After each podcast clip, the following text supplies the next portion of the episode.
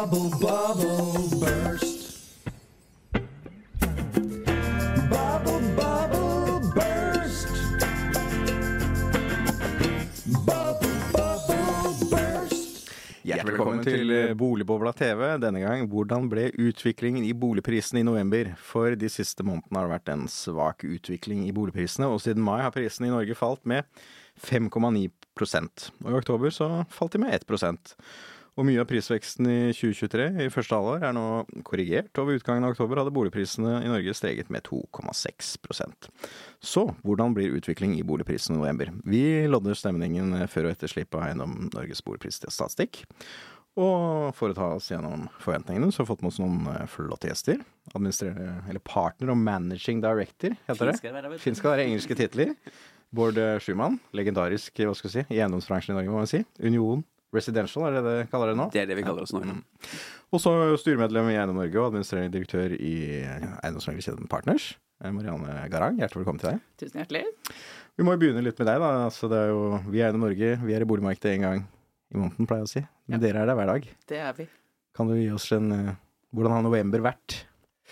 Ja, det På daglig er vel- basis. På daglig basis. Vi kan vel si at det er litt juleferiestemning allerede. Eh, Så den har nok kommet litt tidligere enn vi hadde håpet. Men det har vært, eh, det har vært bra med omsetninger. eh, Spesielt hvis vi holder oss til, til bruktmarkedet. Så selges det jo fortsatt mye boliger. Og det ser vi også på tallene totalt sett for, for året. Så er det jo ganske likt som i fjor. Eh, Og vi ser vi på Det er påfallende likt, vil man kanskje Påfallende likt. kunne si. Jeg tror det er vel en eh, 1000 eiendommer Mm. eh, forskjell eller noe sånt, hvis vi snakker om eh, bruktmarkedet. Men så vet vi at det legges ut mye eiendommer. Så, så usolgte enheter hoper seg jo litt opp. Så vi har jo en meglerstand nå som jobber veldig annerledes eh, med kundene og, og seg selv, rett og slett. De er jo vant til ofte kanskje høre meglere nå som er vant til å ha en tre-fire eiendommer på nett, som nå har liksom mellom 20 og 25 eiendommer. Så det blir jo en veldig annen måte å følge opp kundene på. Men mange er kanskje blitt veldig godt vant under korona, jeg vet Ja. ikke. Jo, det også, ikke sant. Man hadde en eh, Det var ikke så mye, som de sa, da budrundene gikk av seg selv. Nå må det jobbes mye mer. Det, det virker som det fortsatt er en del som kommer på visning, men eh, at kjøperne er avventende. Mm. Så det er, eh, det er litt å få i gang den budrunden som jo er eh, mye av jobben som gjøres. Så at det jobbes veldig, veldig langsiktig. Mm. Så det å ha gode systemer for kundeoppfølging, det ser vi helt klart verdien i. Spesielt, og det gjelder om det er dyre eiendommer, eller om det er litt enklere melk og brød. Men samtidig så er det jo, er det jo disse konjunkturmønstrene, jf. pandemien. Altså, det er ikke noe tvil om at pandemien har vært en forstyrrelse i bruktboligmarkedet særlig. Helt klart. Eh, og jeg husker jo det fra i fjor, for et år siden, da vi satt her, og det begynte å liksom roe seg litt. Så var det noen som sa på vårt prognosemøte at uh, dette er det sånn det skal være. Ja. Det skal ikke være aktivitet når vi skriver i slutten av november og desember. Eller hva tenker du? Ja, Ja, nei, jeg er helt enig. Og det har Nå skal folk ha vært- jul. Ja, nå skal folk ha jul. Og det har jo vært en veldig sånn kunstig høy prisvekst i en del områder Mm. også. Spesielt som vi ser Bodø f.eks. De hadde jo en kjempevekst som nå har roa seg. Og vi ser også stor forskjell på det som liksom har vært sånne klassiske industriområder, hvor det har vært uh, jevn aktivitet. Uh, si, på Raufoss med ammunisjonsfabrikken, og det har vært mye som har skjedd, hvor det har, markedet har fungert godt. Og så ser vi nå at nå har ting begynt å roe seg. Nå har liksom renteeffekten også slått inn i ja, litt mer eh, Verden har kommet til Verdal, sa du, for der har dere Verden har kommet til Verdal, eh, har vi, tok vi en, en uttalelse på her, ja. Mm. Eh, Og det og da ser vi nå at de også begynner å merke renteeffekten og dyrtiden, og litt mer usikkerhet knytta til arbeidsforhold og ja, strømprisen begynner å øke litt igjen. Så det er jo mye, Mm. ja, det er mye som har effekt inn på markedet nå. Bård, det er vel ingen som kjenner boligmarkedet og følger boligmarkedet bedre enn deg? Det er mange som gjør det, men jeg føler jeg har fulgt med noen ja, år. Ja, du er en slags, hva skal vi si, du begynner vel å kunne kalles en legende etter hvert. Det er morsomt å høre. Det er jo Men det mange ikke vet også om deg, er jo også at du er jo også eiendomsmegler. Ja, det er jo der Eh, karrieren begynte. Ja, ja, så det, det går an å gjøre en stor reise i karrieren som eiendomsmegler. Men, men eh, hva tenker du om markedet nå? Eh, Nei, altså, det er som Marianne sier, altså bruktmarkedet er jo der, og vi ser jo på omsetningen at det er jo eh, egentlig et normalmarked, egentlig. Sånn som det har vært de siste årene. Altså, mm, utgangspunktet var at kanskje pandemien var litt spesiell i forhold eh, til at folk da kanskje fikk lyst til å flytte litt mer på seg. Men hvis du ser på det, så, så er det nyboligmarkedet som har fullstendig krasjet. Og, og nyboligmarkedet nå er jo verre enn under finanskrisen, for å si det sånn. Og det var jo da du begynte i Selvåg i sin tid, var det ikke Da begynte jeg i Selvåg, ja. Mm, helt riktig. Og, og det var jo eh, hardt og brutalt, det. Vi eh, husker ikke om vi solgte Var det ni boliger i 2008? altså, det var eh, grusomt. Så det er klart at um, og, og der er vi nå også. Altså, det, det selges jo ikke nye boliger, egentlig. De nye boligene som selges nå, er jo stort sett boliger som enten er i ferd med å bli ferdigstilt, eller kanskje er ferdigstilt. Og det skjønner jeg godt. Hvem er det som har lyst til å kjøpe en ny bolig som kanskje er ferdig om tre år, da? Med den usikkerheten som er der. Med usikkerheten, ikke sant. Og det vi egentlig snakker om, er jo jeg tror at i det øyeblikket vi får en beskjed om at nå har vi nådd piken på renta, og vi kanskje kommer til å se en viss nedgang på den, så får på en måte folk lyst til å kjøpe nyboliger igjen. Men frem til du har det, så klart, så klart at da er du ikke Du vil ikke være den dumme som kjøper nybolig nå, akkurat nå. Men du tenker, tenker det er renten som er liksom det ultimate signalet for hva skal du si, skiftet, eller? Ja, fordi, og grunnen til det er at i utgangspunktet så burde det vært arbeidsmarkedet, egentlig. Men I hvert fall i historisk burde man tenke. Historisk burde det vært sånn. Og så er Norges, Norge annerledeslandet. Arbeidsmarkedet slår nok mye hardere ut i de fleste andre land enn i Norge, fordi at vi har det sikkerhetsnettet vi har, osv. Så, jeg tror renta slår på en måte hardere her, også fordi at 90 eller hva det er hos oss, har jo flytende rente. Jeg tror det 90, Så den har jo slått mye kraftigere her enn i USA, f.eks. Eh, så- Og i Sverige også, antagelig. og i Sverige også. Eh, sånn at det er, ikke, det er ikke unaturlig. Jeg må jo innrømme at jeg er jo overrasket over hvor lang tid, det tok før Ola Nordmann merket at renten hadde doblet seg. Altså, Det tok sin tid, da. det tok, ja, men det tok fryktelig lang tid. Men jeg tror det slår så kraftig nå, da. At jeg tror det blir vondt en periode til. Og så må jeg kan si det om hvis vi først er inne på renta. Jeg håper jo egentlig på en renteøkning, jeg nå. I desember. Fordi at da tenker jeg at da er vi ferdig.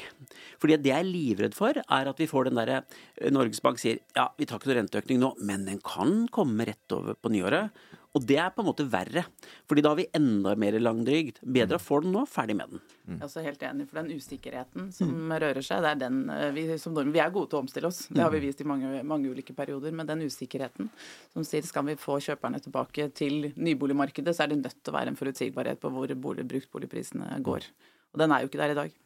Men dere har jo mange utbyggere også rundt omkring i landet, fordi dere er godt representert i hva skal si, det er distriktene, om man kan kalle Ja. det det. Eh, er vel det samme bildet også i nyboligmarkedet der? Ja, det er helt klart det samme bildet.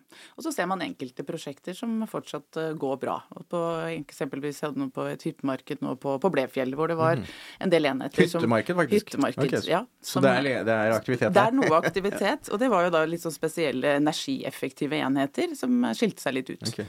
Som det var greit å få solgt.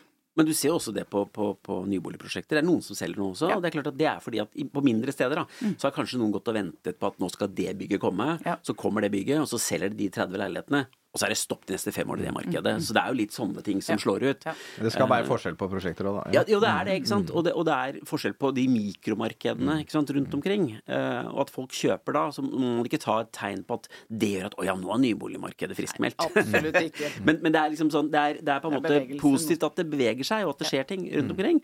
Og så er det totalmarkedet som er på en måte det, det interessante. Um, um, og det er klart at det som blir utfordringen nå, er at når du har så liten nyboligigangsetting nå, så får du en rekyl på et eller annet tidspunkt. Og det kommer jo til å gjøre vondt. For den tilflyttingen vi har nå, blant annet med ukrainere, Ja. den kommer til å slå inn på et eller annet tidspunkt. Jeg er overrasket over at den ikke har slått ordentlig enda, Ja. men det er nok fordi at vi har mange av de boende på hoteller og andre steder hvor de kanskje ikke skal bo i de lange løp, da. Men, men eh, du har jo da etablert et, et, et eiendomsfond, Mm. og dere har jo også gjennomført noen relativt store transaksjoner relativt nylig. Ja. Eh, Kan du si litt om eh, hvordan er det dette, hvordan er det du tenker nå? Er det liksom egentlig store muligheter, og du gnir deg i hendene, eller? Ja, eller? som jeg har sagt til deg før, jeg syns jo egentlig det er veldig morsomt nå.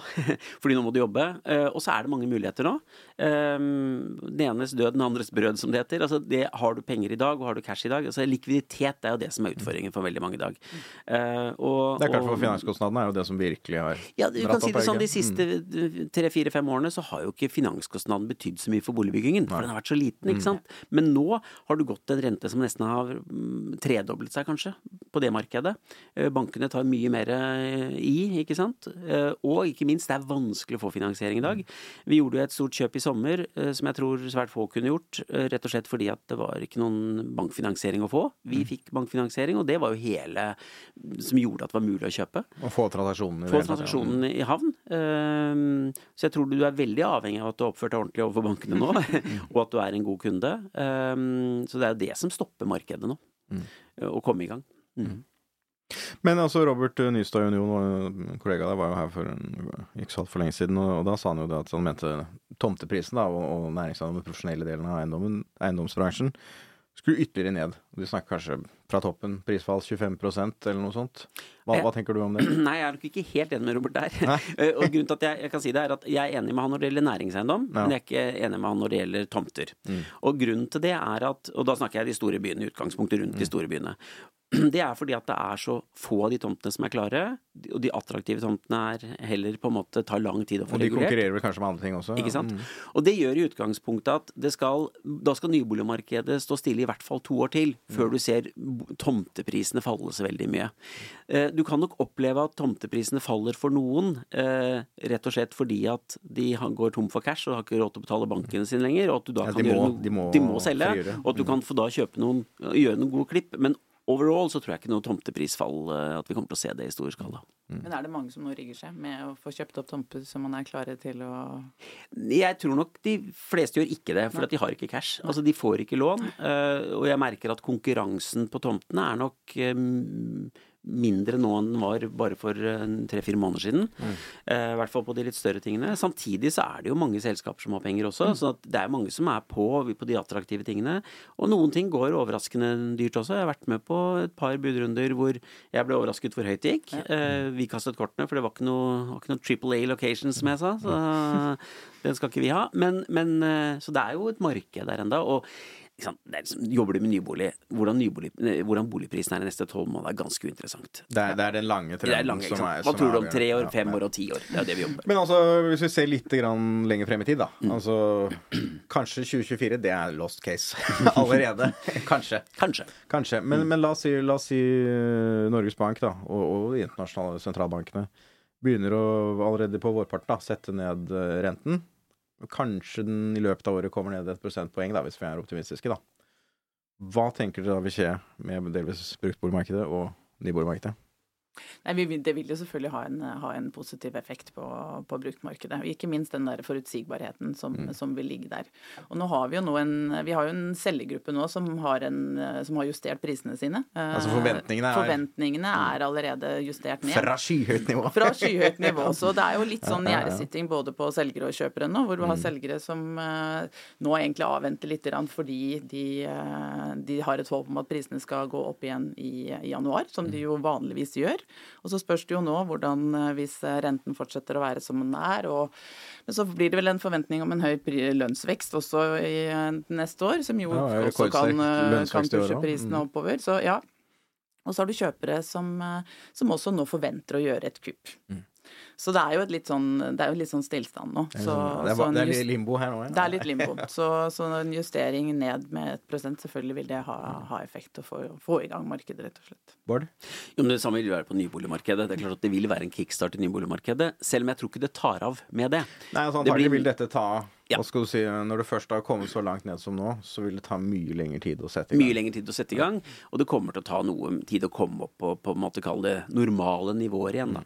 Um, og så er jeg ikke så sikker på at du kommer opp på normale nivåer alle steder heller. Uh, rett og slett fordi at uh, byggekostnadene er såpass høye mange steder at det er ikke lønnsomt å bygge. Ikke sant? Altså, og, jeg tror ikke byggekostnadene kommer til å, å falle så veldig mye fremover. Det er antagelig ikke så veldig sannsynlig når da stål og betong, som er jo hovedelementene i mye av byggeri i dag, er internasjonale priser, og så har du lønnsforventningene og, og Ja, og lønnsoppgjøret lønn, allerede i år. lønn er 50 av, av byggkosten, ikke sant? Og den skal videre opp. Og som du sier, altså eh, betong krever mye energi. Energikostnadene er dobbelt så høye nå som de var før eh, pandemien. Eh, ergo, det kommer, der går ikke prisene ned. Jeg tror derimot at eh, NT prisene kommer til å falle nå de neste tolv månedene, fordi at folk trenger jobb. bildet, I det ja. korte bildet, fordi de trenger jobb. Og det ser vi nå eh, på tilbud eh, som er både ja, mellom 10 og 20% faktisk lavere enn det var for et år siden. Og, men det tror jeg blir et kort øyeblikksbilde, holdt jeg på å si. Mm. Fordi at entreprenørene og underleverandørene trenger jobb. Så de bare sier at vi tar jobben uansett, så Ja, tjener jeg vi kan ikke å huske selge på at du tidligere for ti år siden da du var i Selvåg sa at altså, entreprenøren hadde veldig kort tidshorisont. Altså, Han har det. altså at det er sånn Han har ekstremt kort tid. Du kan si sånn, Totalentreprenøren, de store entreprenørene, har jo litt lengre tidshorisont. Mens han som driver malerfirma, som leies inn av Veidekke AF osv., underleverandørene. underleverandørene, de har sånn to-tre måneders tidshorisont. Og når han våknet nå til jul, så sier han oi, shit, jeg har ikke noe jobb til gutta mine på nyåret. Hva gjør jeg nå? Jo, jeg må dumpe prisene for å få jobb. Og noen av de malerfirmaene jeg har snakket med, sier jo det at ja, nå har vi jo ikke noe på nybolig lenger, som vi er vant til å ha. Ja. Og vi har nesten ikke noe rehab heller, ikke sant. Så det blir problemer. Ja, vi ser jo hvor, jeg bare Maxbo nå som varslet om eh, 100 permitteringer i går, ja. permitteringer. Det Det er, det er litt sånn kanarifugl i gruven, altså, Ja. det, for å si det sånn. Ja. Mm. Tror liksom effekten av det stoppen i nyboligsalget begynner jo å bre seg godt rundt nå. Så det, det, vi trenger å få bygd noen flere boliger. Så det er jo litt det, det strukturelle problemet som er Ja. underliggende. At det er for få boliger, rett og slett. Men så må vi være klar over en ting også. Vi jobber jo i et syklisk marked. Mm. Og dette her går jo opp og ned. Vi hadde det i 2013. Altså ting, ikke sant? Da var det oljeprisene som, Mm. Ja, det som var slo jo både var Bankene var restriktive også, for de skulle bygge kapital pga. de nye kapitalreglene Ja. var det som kom da. Ja. Mm. Og så fikk du, ikke sant? Da fikk du også redselen samtidig om at nå gikk oljeprisen under 30 dollar fatet, alle nordmenn skulle miste jobben sin, osv. Så, videre. så du får disse kall det psykologiske tingene som slår inn ikke sant, innimellom. Og så tror jeg verden har blitt mindre, og det gjør at vi påvirkes så mye av det som skjer rundt oss. Og da blir markedene mye mer volatile. Det går opp og ned. Det tror jeg vi må venne oss til. Men det er klart at altså, parallellen til 2014-oljebremsen altså, du kan si, En ting som var forskjellig da, det var jo det at Erna Solberg og Siv Jensen altså, de, de vir åpnet jo virkelig slusene til motkonjunkturpolitikk. Ja da. Altså, det er jo aldri blitt bygget så mye veier og, og tunneler altså, som i den perioden der. Ikke sant? Så altså, man stimulerte jo også økonomien veldig, veldig kraftig eh, fra, altså, via statsfinansene. Og Ja, det, det er ser vi jo i hvert fall sånn som budsjettet, statsbudsjettet, som nå ble enige om på søndag. Det er jo ekstremt nøytralt, negativt, egentlig for stimulans på økonomien. Altså Vi får ikke noe hjelp derifra, som det står nå. Nei, nei. Nå, du kan si det sånn, jeg, jeg er ikke tilhenger av at du skal ha hjelp til boligbygging, for det tror jeg markedet må ta seg av selv. Nei, men historisk så Ja. er jo på en måte byggenæringen vært eh, hva skal den, eh, den kensianske konjunkturpolitikkens Ja. eh, mekanisme, da. For å si Enig, sånn. enig i det. Og hold, hvis man holder seg unna boligbyggingen, så kan man heller bruke penger på offentlige bygg og anlegg, for å si det sånn. Det syns jeg er fornuftig. Også fordi at staten da får mer for pengene i de tidene. Så det er sånn sett fornuftig. Rart at de ikke gjør mer av det nå, egentlig. Men jeg vet ikke, regjeringen har vel ikke helt våknet ennå. Nei, nå var jo Henning var jo innom her, som sikkert seerne så også. Kom jo direkte fra krisemøte, må man nesten kunne kalle det, hos eh, boligministeren. Uh, uh, også i budsjett, så får vi se om det kommer noe ut av det, men også i budsjettforliket så var det jo et en, litt sånn uh, sjokk for oss. fordi at det var jo i verbalpunktene så var det jo da gjeninnføring av den gamle startlånsordningen som ble strammet inn for ti år siden. Mm. For nå, fra 1. juli, så står det i hvert fall i det eh, verbalpunktet regjeringen er enige om med SV, at de skal da opprette en startlånsordning igjen for førstegangskjøpere. Og dette var jo vel saken du og jeg ble kjent på i sin Ja, tid. ja, ja. Og jeg er jo kjempe for det. Altså, for de fleste andre land i verden har det jo. Ja, en Altså, form for startlånsordning. Ja. En Men det er jo de facto omgåelse av utlånsforskriften, sånn som det står nå. Ja, men jeg, jo, altså, jeg mener jo det er riktig for førstegangsetablereren, så lenge du har betjeningsevne. For hvorfor skal du heller leie i markedet hvis du kan eie til fornuftige eh, betingelser? Se på Australia. Der stiller staten opp og garanterer for 40% av lånet ditt. Uh, gjennom at du, Da trenger du 5% egenkapital. England akkurat det samme. Det ble også Stavanger kommune har vel også foreslått det. Ja, ja. Mm. Men altså, jeg, jeg, er, jeg er tilhenger av akkurat det. Ak skal du påvirke boligmarkedet på én ting, så mener jeg det er førstegangsetablereren. Hold deg til det. Og kjør startlånsordning. Eh, det at eh, den ble fjernet, var jo egentlig katastrofe. Så du, du er hva skal du si, positiv til det? Du tenker at man ikke heller bare kunne fjernet utlånsforskriften en gang for alle? Så. Jeg tror ikke Jo, ja, jeg, mener det òg, jeg, i og for seg. Men- Men, men jeg er mer, jeg er mer opptatt. Jeg er mer opptatt av at Nei, ikke til alle, som sagt. Førstegangsetablereren med betjeningsevne mener jeg bør kunne få lov å låne litt mer enn ellers. Rett og slett fordi jeg ser ikke altså, om du leier eller om du skal eie. Altså, ja, jeg skjønner det at boligprisene kan falle, og at du kanskje burde hatt litt egenkapital, men, men utgangspunktet er at eh, vi har råd til å, å, å gi det til de få, kall det førstegangsetablererne vi har. Og vi snakker om hvis du sier at du krever 5 eller 10% egenkapital, da, og ikke det vi krever i dag. Og ikke de betjeningsevnene, altså med, med Nå er det jo 3 da, heldigvis, men eh, vi hadde 5 for ikke så lenge siden, osv. Det er mm, harde, harde kår. Og det er jo mange høyt utdannede nå som ikke får lønn, rett og slett, eller lån rett og slett fordi at de ikke har betjeningsevnen, som vil jo kunne ha hjelp av en sånn type ordning. Så. Ja, det er jo det bankene sier, da. At det er hva skal vi si, er det et typisk tradisjonelt par, da, en er lærer, en er sykepleier altså, Det er jo sånn du vet ekstremt godt at det er etterspørsel etter Ja. den type arbeidskraft Ja, i la uoverskuelig fremtid. og at deres arbeidssituasjon er ekstremt trygg. Så, så det er jo helt åpenbart. Men um, hva tenker du, utlånsforskriften? Det bør, vi har prøvd å ene Norge å gjøre noe hva skal vi si, få den på dagsordenen. da. Den har Ja. fått en del støtte også, eh, faktisk, på Ja, at den, den bør justeres. Absolutt. Og Eiendom Norge og dere har jo jobbet veldig bra og fått mye oppmerksomhet rundt den. Og så er det jo som sier, noen som er litt uenig i forhold til liksom hvor mye penger skal du pumpe inn i et marked som allerede er Hvor det er vanskelig å få kjøpt, da. Eller det er, det er et øh, underskudd på boliger. Men, øh, men markedene regulerer seg jo selv, og det er jo det vi, vi ser nå. Så så vi støtter jo den som uh, styremedlem i Eiendom Norge. Så Ja, er støtter vi jo at den skal fjernes. Men, uh, det, er, uh, ja, men det, det er jo noen utfordringer knytta til det også. Men vi skal gå litt til, til, til tallene forventninger for, på prisene for november. Eh, vi vet jo alltid det er svakt på denne tiden av året. Eh, men hvor svakt skal vi ende? Ja, I fjor var det minus eh, 2,2% Det var jo eksepsjonelt svakt. Det var jo et kraftig fall i boligprisene i fjor høst. Hva skal si noe, komme med noe talltipping nå, da? Nei, det er vel eh, Spekulasjonen er jo at det ligger, kan fort ligge på samme, samme nivå. Det er Du tror så mye som 2,2 eh, ja, ja, nominelt ja, ned, kanskje? jeg, jeg ser jo økonomene i DNB og andre som har mer, mer bakgrunnstall å forholde seg til enn meg, så jeg går jo ut på det. Men jeg eh, tror ikke vi skal se det så kraftig, altså. Jeg, eh, det, jeg er mer nedover enn en og en halv ish. Mm. Så, men det blir spennende, spennende å se. Og så tror vi jo det er vel eh, ja, det er 2,6 vekst hittil i år, så hvis det, vet, det skal jo falle litt eh, i, I desember desember, også, nå også, antagelig, så ja. er vi kanskje på en, eh, på en nullvekst. Men jeg tror, jeg tror ikke vi ser så store utslag som eh, totallet Mm. nå. Er- Bård, har du noe Nei, jeg er vel på? litt på det samme. Jeg tror vi kanskje ikke ser det. Eh, um, men jeg tror vi ender kanskje året på, på, på null. Ja. Um, og så tror jeg det er klart at Og reelle termer, med da KPI på så har vi jo falt. 4-5, så ja, er vi ja. jo Så vi har hatt et, vi kaller det et kraftig fall i forhold til det. Ja. Og så skal vi ikke legge skjul på det at eh, de boligene som er solgt, er jo de som har vært mest kalde det attraktiv, Mm. attraktive. Og hvis du tar med deg det som kanskje lagger i markedet, det som Mm. tar lang tid å få solgt, så har jo kanskje, hvis vi skal være ærlige på det, at boligprisfallet har vært kanskje noe større. Kanskje. Eh, under- underliggende. Eh, men ja. Eh, Nei, og En god overgang til det er jo i og for seg den, det som har vært det store temaet de siste månedene, og det er den store mengden usolgte boliger. Eh, nå er den litt bygget ned, men eh, er din inntrykk at det er mange som vi, nå kanskje vil prøve å vente og har tatt boligen ut av markedet og vil relansere den til nyttår, eller? Ja, det er ikke så mange som har tatt de ut av markedet. Eh, De er fortsatt, eh, fortsatt eh, markedsført, men at det har økt. Det er vel en 4000 boliger mer i markedet nå enn det det var ved inngangen. Til, eh, til året. Eh, Men vi ser jo at eh, vi har fått spist inn litt i november. Så i november er det jo blitt solgt flere enn det har blitt lagt ut. Så det er jo en, en endring. Men at vi går inn i 2024 nå med et rekordhøyt usolgte enheter, det tror jeg vi, tror jeg vi skal se. Så, men Og hva er- betyr det for den da? Vi vet jo at i januar så er det alltid hva skal vi si, storparten av oppgangen Ja. i løpet av et år kommer. Ja, det det. Det store spørsmålet er kanskje hva skjer med denne såkalte januareffekten, Ja, ja.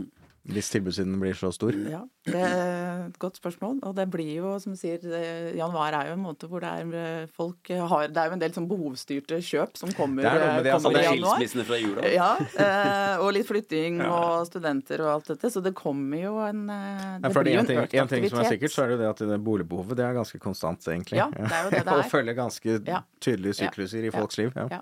Og nå tror jeg som sagt det er mange som er nå litt ventende, eh, både på selger- og kjøpsiden. At man venter til nyttår eller venter til januar for å både selge og kjøpe. Så, og det å, som sagt, Vi vet jo hvor vanskelig det er å treffe akkurat på riktig tid. i og med at man eh, ofte er jo i samme marked. De Mm. som skal, eh, skal selge, har ofte, skal ofte kjøpe noe nytt også. Mm. Så mm, Min, min, min følelse er kanskje at, at januareffekten blir svakere enn den pleier Ja, å være. Noe ja. annet ville overraske Ja, meg veldig. du kan se litt på markedet rundt omkring også. Se på Trondheim eksempel, hvor, hvor det er solgt veldig mye blokker til utleiere, profesjonelle utleiere de siste årene, som ikke klarer å regne igjen disse kjøpene sine. Som nå har dumpet disse blokkene ut, én og en leilighet ut i markedet. Og det er det jo mye mange rapporter om. Ja, ja, ja. Og, og, og det er klart at det er med på å holde markedet nede. Og det tror jeg kanskje er med på å gjøre at du mister litt den effekten altså normalt sett får i januar, hvor du føler at det ikke er så mye til salgs. Og så er det plutselig, som du sier, du får et overheng fra i år, pluss litt annet januareffekt-goodies av ting som kommer ut, med folk som har tenkt at nå skal vi benytte januareffekten, og så kom den ikke. Nei, for vi vet jo da at øh, Norges Eiendomsmeglerforbund teller jo da antall sekundærboliger, og det er jo en betydelig reduksjon det siste året i antall sekundærboliger i det norske altså, registeret. Selvsagt. altså Du har jo blitt straffet siden 2016 ikke sant? i forhold til det med, med, med beskatning. Mm.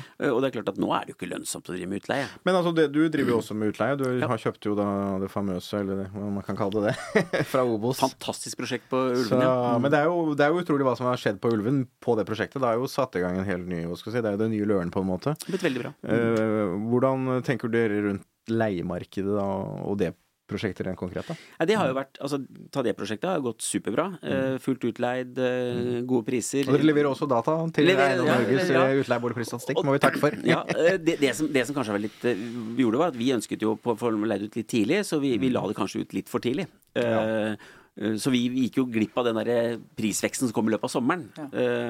For den kom jo veldig i løpet av sommeren. Men, men det gikk eh, Det har gått, eh, gått bra. Jeg tror jo at det blir en utfordring å få leieboliger fremover. Rett og slett fordi at du klarer ikke å regne hjem nå.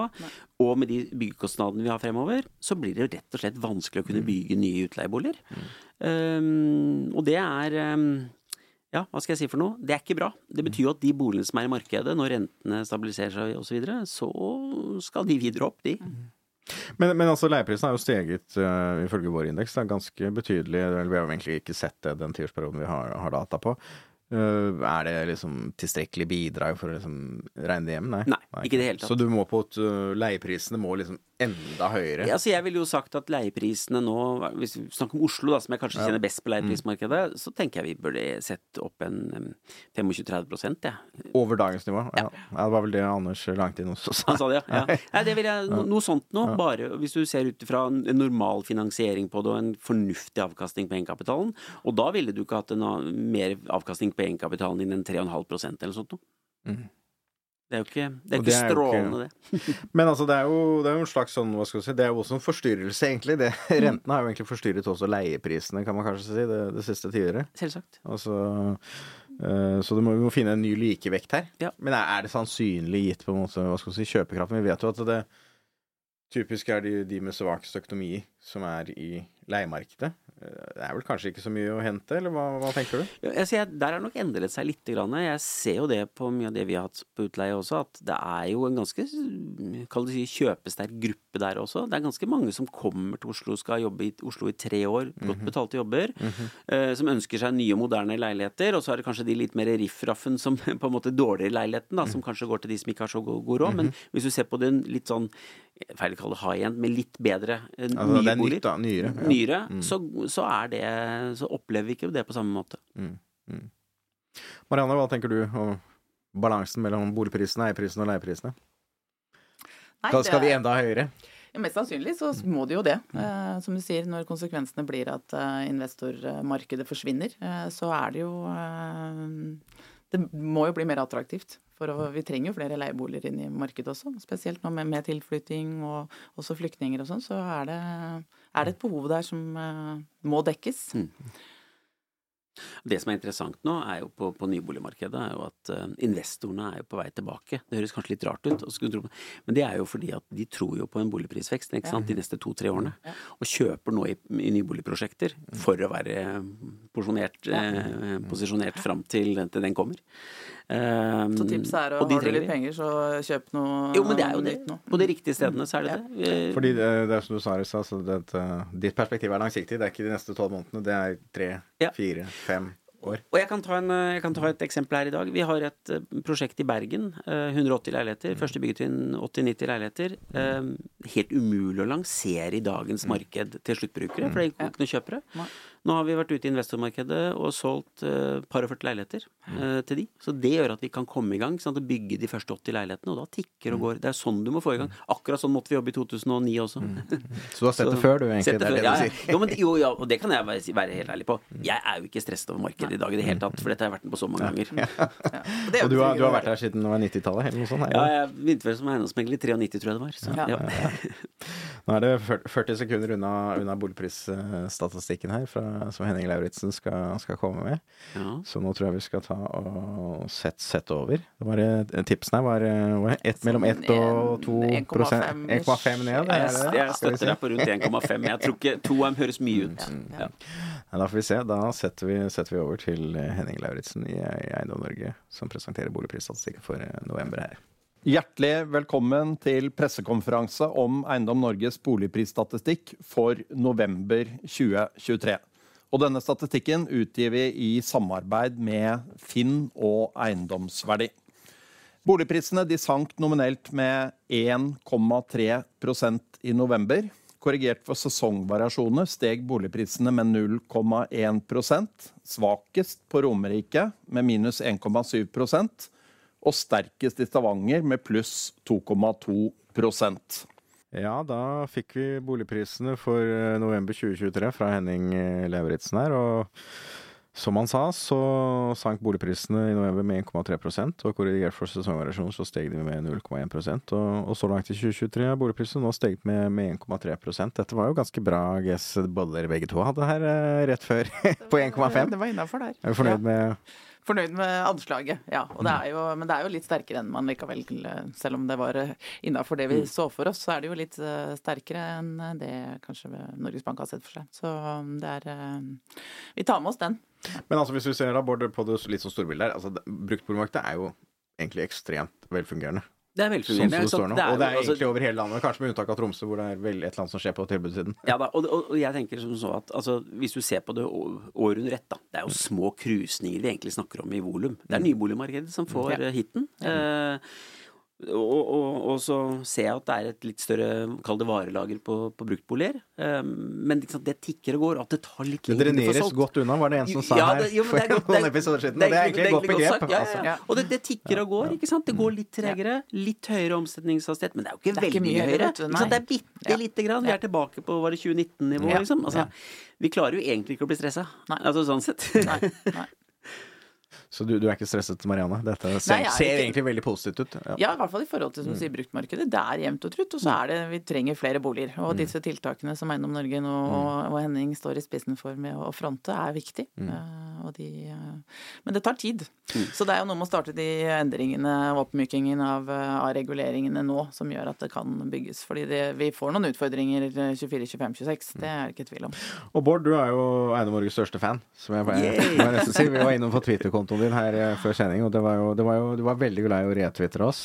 Jo, men det er det Men eh, sagt, må ja. jeg si, for det du sa, det var da vi var på møte hos Vedum for 14 dager siden, og hørte hva som Henning også nevnte, at var- han var på møte hos eh, boligministeren i dag morges, eh, så skrev jo du at eiendomsmeglingsbransjen gjør jobben byggenæring burde gjort. Ja, altså jeg mener jo det, og det jeg har sagt lenge, er at jeg syns at byggenæringen er totalt fraværende i debatten nå. Eh, NHO er jo stort sett motstander av alt som har med bolig å gjøre, føler jeg, og er mer opptatt av at det skal beskattes fordi de tror at pengene blir brukt på eh, på eh, Ja, og det var jo oppsiktsvekkende at de gikk, for, gikk inn for altså, skjerpelse av boligbeskatningen og Ja, i fordelsbeskatningen i våres. Ja, ja, nei, men altså Og du har jo vært styreleder i Boligprodusenten. Ja da, det var andre tider da, for å si det sånn. Vel, jeg slåss mot NHO da òg. Men ja, jeg syns altså jeg, Det kan jeg All honnør, som jeg sier til, til Eiendom Norge, fordi at man har stått på og vært veldig tydelig på hva dette her gjør med boligmarkedet, og hvilken effekt det får fremover. For de er det ikke så mange andre som har gjort. Jeg syns det har vært veldig stille. Ehm, og det er, eh, som jeg sier, at eh, jeg eh, har ikke lyst på tilbake til sirkusmanesjen i forhold til akkurat den saken der, så jeg syns det er fint at dere står på. Men altså, hvis du ser på det med konjunktursituasjonen, da, det var jo, ble det jo så vidt nevnt på sliden her fra, fra en analyse av Harald Magnus Andreassen i, i Sparebanken Danmark. Så det er jo antagelig, hvis hans analyse er riktig, så skal jo det som nå skjer, ha veldig stor betydning for sysselsettingen. Mm. Altså, når tenker du eventuelt det, hvis det er tilfellet, da, skulle det skje? Arbeidsledigheten skulle komme opp. Altså, du, du kommer til å merke det mot neste sommer. Du tenker inn mot sommeren, så Ja, bør altså Du kommer nok til å merke det allerede fra første kvartal neste år, men ordentlig mot sommeren, tror jeg. Fordi at du har en del prosjekter som er under ferdigstillelse. Mm. eh, Og hadde det ikke vært for regjeringskvartalet i Oslo, så hadde du merket det kraftig i Oslo også. Så du mener, du mener regjeringskvartal, det er så stort Det er så stort. at det opprettholder på en måte etterspørsel i byggenæringen? Du skulle bare ha visst hvor mye, mye, mye det opprettholder, men det er ganske mye. Mm. Uh, så sånne typer type prosjekter er jo med å hjelpe. Hadde vi ikke drevet med nytt, eh, bygging av nytt regjeringskvartal akkurat nå, så hadde vi slått hardere ut, og da tror jeg kanskje NHO hadde kommet på banen også. Riktig, riktig. Men, men hvorfor tror du liksom NHO ikke, ikke har vært på banen? Det, si, synes det var jo oppsiktsvekkende at da LO snakket om byggenæringen og, og si, krisen i nyboligsalget på statsbudsjettet-høringene nå, men ikke NHO. Nei, altså NHO har jo blitt en organisasjon som snakker om to ting, føler jeg. Det er batterier og havvind, eh, for å være litt slem. Eh, og ikke opptatt av eh, holdt på å si, fastland Norges største næring, som er byggenæringen. Eh, det er oppsiktsvekkende, og det tror jeg har noe med at man har tenkt på at det er boligbeskatning, og det skal vi holdt på å si, skatte i hjel. Og så har det slått veldig feil. Eh, og jeg håper de våkner på et eller annet tidspunkt og finner ut at dette her er jo helt tullete. Og vi ser jo den, artikkelen som sto for ja, en dag eller to siden i Dagens Næringsliv også, i forhold til hvor er det småbedriftene i Norge får eh, på en måte kapitalen sin fra? Jo, det er fra eierne som tar opp eh, lån på boligene sine. Og det vil jo altså. En gründer som Marianne vil jo kunne fortelle deg. Det er vel der mye av gründerkapitalen den kommer jo nettopp av at folk, gründeren, Ja. belåner på boligen sin. Ja. Og det er jo rasjonelt også. Hvis ikke vil han jo ikke få eierandelen Nei. i selskapet. eller Nei, nei, det er sant, det. Så det er eh, den Og nå er det også empirisk bevist. Ja, ikke sant? Det, det, det, det er superinteressant at sånne ting kommer frem. Fordi at det beviser egentlig det vi alltid har sagt. ikke sant? Altså Boligmarkedet er så viktig for så mye. Ja. ja.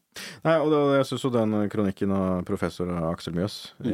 i på Handelshøyskolen var, var, var god. For at eh, fra finansiell, Finanstilsynets side så sier man at dette er bare boliggjeld, eller nytt opptak av boliggjeld. Det finansierer oppussing, det finansierer konsum, altså forbruk. Men det vi fikk dokumentert på, var at det også finansierer hva skal vi si, næringslivet, og derav også arbeidslinja og stimulans til økonomien. Det er jo egentlig eh, en gavepakke for oss som har sagt mye av det samme tidligere. Mm. Nei, Får vi håpe at eh, NHO også, også tar, tar inn over seg det. Men vi skal se litt eh, på prognosene. Vi har jo prognosemøte eh, om ikke så altfor lenge. Um, er det beste vi kan kanskje håpe på i 2024 null i nominelle termer? Marianne, eller hva tenker du? Ja, det, gitt de Kanskje. signalene som er nå, så er det kanskje det. Mm. Men eh, jeg tror eh, Jeg også tror vel kanskje at det kommer en renteøkning nå i desember, og at vi da er ferdig, og at man da kan begynne å justere litt nedover mot, eh, mot sommeren, og at det sånn sett eh, Igjen, jeg tror det blir nok en Vi får ser en liten økning i eh, første kvartal, eh, som vi pleier å ha. Eh, Men at det da vil kunne jevne seg litt ut på samme måte ikke som vi like, har like gjort. sterk Ikke like oppgang i første kvartal som vi har hatt de to Nei, siste årene. men at det kommer en liten, eh, en liten justering nå, eh, i og med at det ligger såpass mye ute, og det er mange vi vet nå har ventet med å komme Mm. på markedet, så, så tror vi nok at vi ser en liten økning. Men Bård, hva, hva, hva tenker du? Har du prognose, satt noen prognose for 2024? Ikke ordentlig enda, men, men det er klart at jeg var jo veldig negativ til 2023. Jeg trodde jo at vi skulle eh, raskere ned enn det, vi, enn det som har skjedd. Uh, nå er jeg kanskje Så er jeg litt mer positiv på 2024, faktisk. Fordi jeg tror at nå har vi fått den kraftige renteoppgangen vi har hatt. Altså Stormen har vært Stormen nå. har på en måte vært nå, og da er det spørsmålet, litt som Marianne sier, får vi renteoppgang? Jeg håper, jeg håper at vi får renteoppgangen nå, jeg, da. På en måte, for da er vi ferdig. Vi river av plasteret. Ja, river av plasteret. Vi er ferdig. Og da kan vi gå inn i 2024 med en på en måte forhåpning om at kanskje vi får en rentenedgang i april-mai. Og Hvis du ser på Europa, da, så Ja. på ECB, så er jo det med konsumpris i Europa nå på 2,4% Det er jo realiteten på målet. Det er det det er, vet du. Og det er derfor jeg sier det. Hvis vi, og så, så tror jeg at siden vi har så svak valuta nå, så tror jeg kanskje Norges Bank ønsker en liten renteøkning til, Ja. sånn at vi skal ha en litt høyere rente i Norge enn resten av Europa har. Ikke sant? Going forward. Vi skal tilbake til Øystein Olsen lene seg mot vinden. og vel han Ja, det sånt i sin tid. Ja. Ja. Og da tenker jeg sånn at da ah, jeg tror nok at vi ender på sånn pluss-minus null. Mm. Så håper jeg på kanskje litt, bitte litt positivt. Mm. ja. Men, men altså lønnsoppgjøret, da. Det er jo, vi vet jo det er nær nesten én-til-én sammenheng sies det, mellom, mellom lønnsoppgjøret og, boligprisene. Um, blir det like bra lønnsoppgjør neste år som det vi fikk i år, tror du? Jeg tror ikke det blir like bra, men jeg tror at det blir et bra lønnsoppgjør. Men så tror jeg ikke det nødvendigvis går rett over på boligprisene fordi vi har hatt så høy Fordi vi har prisvekst hatt så høy på alt annet, ja. Mm. At det drar, det, altså konsumet vårt tar Mm, bort det.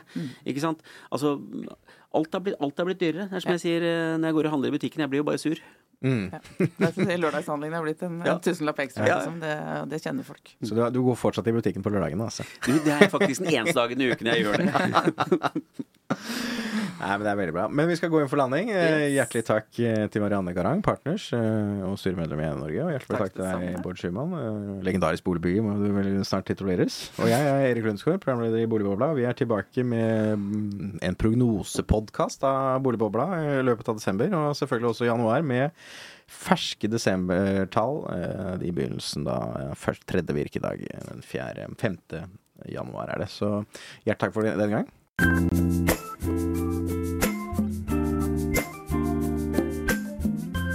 Bubble, bubble, burst.